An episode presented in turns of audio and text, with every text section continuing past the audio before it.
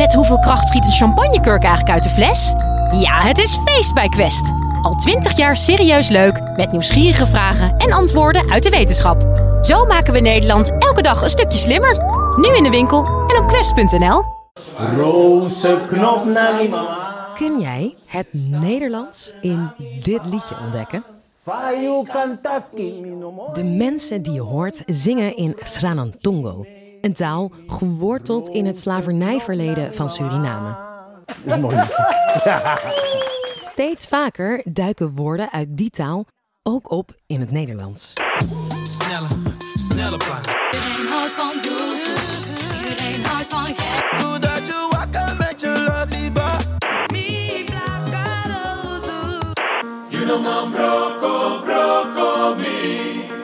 Brocco, miblaka rosu, doekoe. Woorden uit het Sranantongo die we kennen en misschien gebruiken, maar vaak zonder te weten waar ze precies vandaan komen. Hoe kan uit een gruwelijke geschiedenis een nieuwe taal ontstaan? Wij zijn de Universiteit van Nederland en met die vraag gingen we naar Leiden. Naar taalwetenschapper en directeur van het Taalmuseum Fresco Samsin.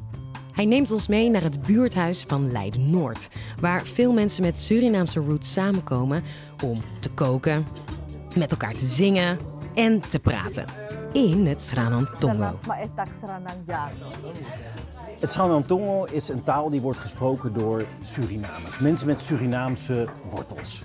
En die zitten uiteraard in Suriname. Maar door de loop van de geschiedenis zijn, ze natuurlijk, zijn er heel veel Surinamers in Nederland komen wonen. Daar ben ik uiteindelijk ook een product van. Voor we het verhaal van het Sranantongo induiken, even iets bijzonders over onze wetenschapper. Fresco is zeer slechtziend, iets dat hem dichter bij taal bracht. Ik denk juist als je niet goed kunt zien, dat er een soort sensor aangaat waardoor je juist veel gevoeliger wordt voor spreektalen. Wat hoor je? Hoe worden dingen gezegd? Voor mij was dat eigenlijk logisch. Wat hoor je? Op de markt naast het buurthuis, daar hoor je van alles. Daar wemelt het van de talen.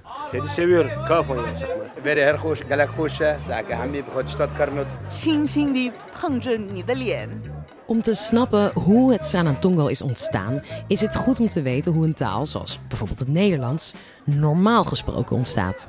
Het Nederlands heeft als oermoeder het Indo-Europees. En Indo-Europees is ontstaan in de omgeving van Turkije.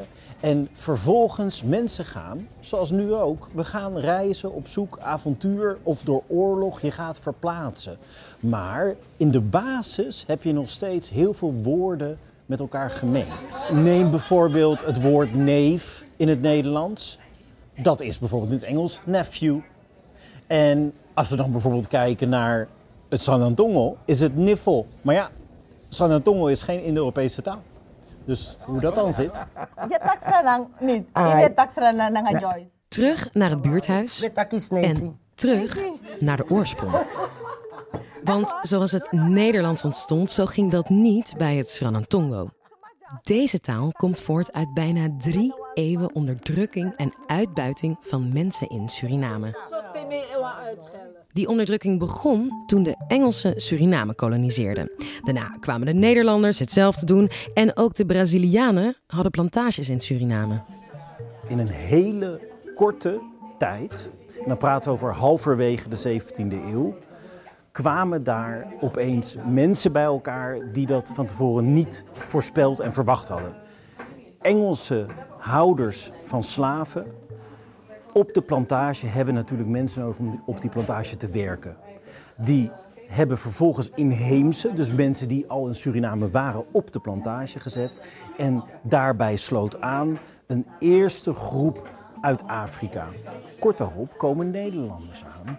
Dan sta je daar opeens op de plantage en je zult met elkaar meer dan alleen maar gebaren, je zult met elkaar moeten kunnen praten.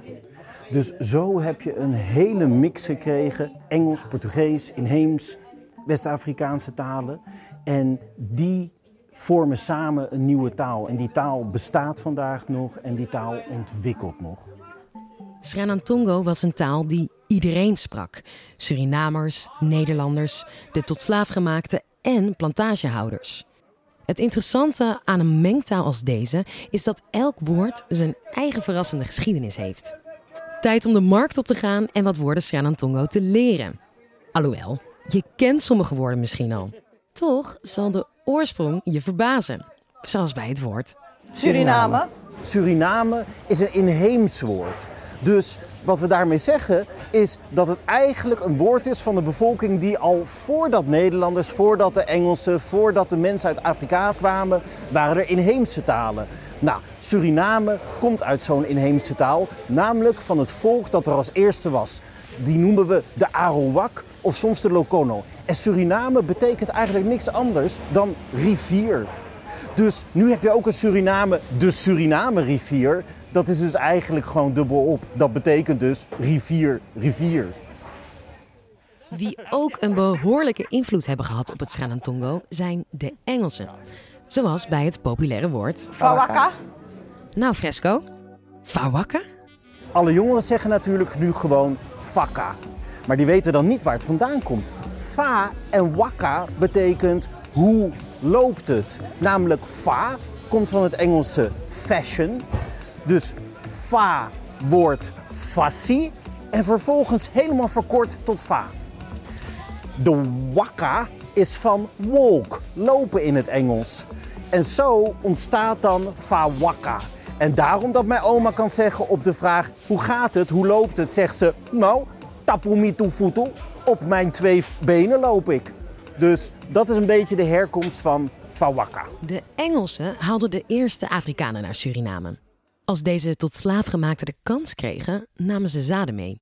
Zoals die van een soort, ja, lelijke komkommer. De sopropo. Sopropo. Hallo, heeft u ook sopopo? Ja, ja, zeker. Mag ik er vier alsjeblieft? Gaan we voor de regelen. Dank u. Ja, dank u, dank u wel. Fijn weekend. Fijn weekend. Nou, sopropol is dus een groente die komt uit Afrika. En dat is niet toevallig. De tot slaaf gemaakten gingen aan boord en die gingen soms aan boord met de zaden, zodat ze, waar ze ook heen gingen, toch nog hun eigen eten hadden. Nou, sopropol is daar een voorbeeld van uit Ghana. En het woord is dus ook uit de Twi. En dat is een taal uit Ghana. Het is ontzettend bitter, maar ik vind het ontzettend lekker. Een Surinaamse vrouw op de markt is minder onder de indruk van de sopropo's van Fresco. Deze gehoutjes zijn zo klein. Zijn klein, hè? Ja, ja, ja. Misschien wel een van de bekendste woorden uit het Sranantongo onder Tata's. Je weet wel, witte Nederlanders. Is patas. Pata. Patas is inderdaad een woord dat gebruikt iedereen, jong en oud, maar vooral jongeren, voor sneakers of voor hun gimpies. Nou, patas, die S erachter, dat doen we in het San Antonio niet. Het is pata. Pata komt uit een hele andere taal, dat komt uit het Portugees. En dan denk je, waar komen de Portugees vandaan? Nou, Portugezen kwamen uit Brazilië en gingen naar Suriname en hadden daar hun eigen plantages. En zo zijn er dus in het San Antonio zijn er allemaal Portugese woorden gekomen. En dat zijn eigenlijk vaak hele belangrijke woorden, zoals brasa, omhelzen, of boem van goed, aboem. Dus pata is een hele goede als voorbeeld van Portugese woorden. Sranantongo is zo'n gemixte taal dat het soms een raadsel is voor taalwetenschappers waar woorden nou precies vandaan komen. Neem het woord kotto. Een kotto is een hele grote, mooie jurk waarbij een vrouw echt krachtig overkomt. En zo'n vrouw noemen we een kottomissie. Een missie betekent mis, hè, van mevrouw, maar kotto weten we niet. Kotto is ook niet zomaar iets wat je hier zomaar op die markt kan krijgen. En de etymologie, dus de woordgeschiedenis van dat woord, ja, dat kunnen we ook niet zomaar ergens vandaan halen. Nou, Mensen dachten misschien komt het van katoen, cotton, hè, cotton. Of komt het van coat. Nou, klinkt logisch, maar de oplossing is waarschijnlijk niet zo logisch als je zou denken. Namelijk, kotto komt zeer waarschijnlijk van schort. Nederlanders gaan naar Suriname, zeggen al skort, want mensen zeiden niet allemaal schort. En vervolgens van skort valt die S weg door snel spreken. En aan het einde heb je heel vaak dat er nog een klinker bij komt in het Surinaams. Dus opeens schort, skort, kot, kotto.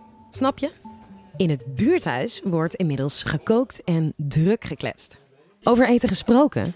Er is een typisch Nederlands woord dat helemaal niet Nederlands is, maar uit het Sranentongo komt. Dat woord hebben we te danken aan Surinamers die vorige eeuw naar Nederland kwamen. Pindakaas, daarvan denk je, ja, dat is echt een heel Hollands woord. Pinda komt eigenlijk als woord uit de Kikongo, een West-Afrikaanse taal. Vervolgens zijn er in Suriname een soort koeken ontstaan waar pinda in zat. Maar die pindakoeken werden gesneden als kaasplakken. En zo krijg je pindakaas. Dingen kunnen heel onverwacht lopen met taal. Wow, wie had gedacht dat een woord als pindakaas zo'n geschiedenis heeft? Als ik zeg, Grantangi Fubing Luku na aflevering Disi. Kan dat? Leuk dat je luisterde of keek naar onze podcast met beeld. Tot de volgende!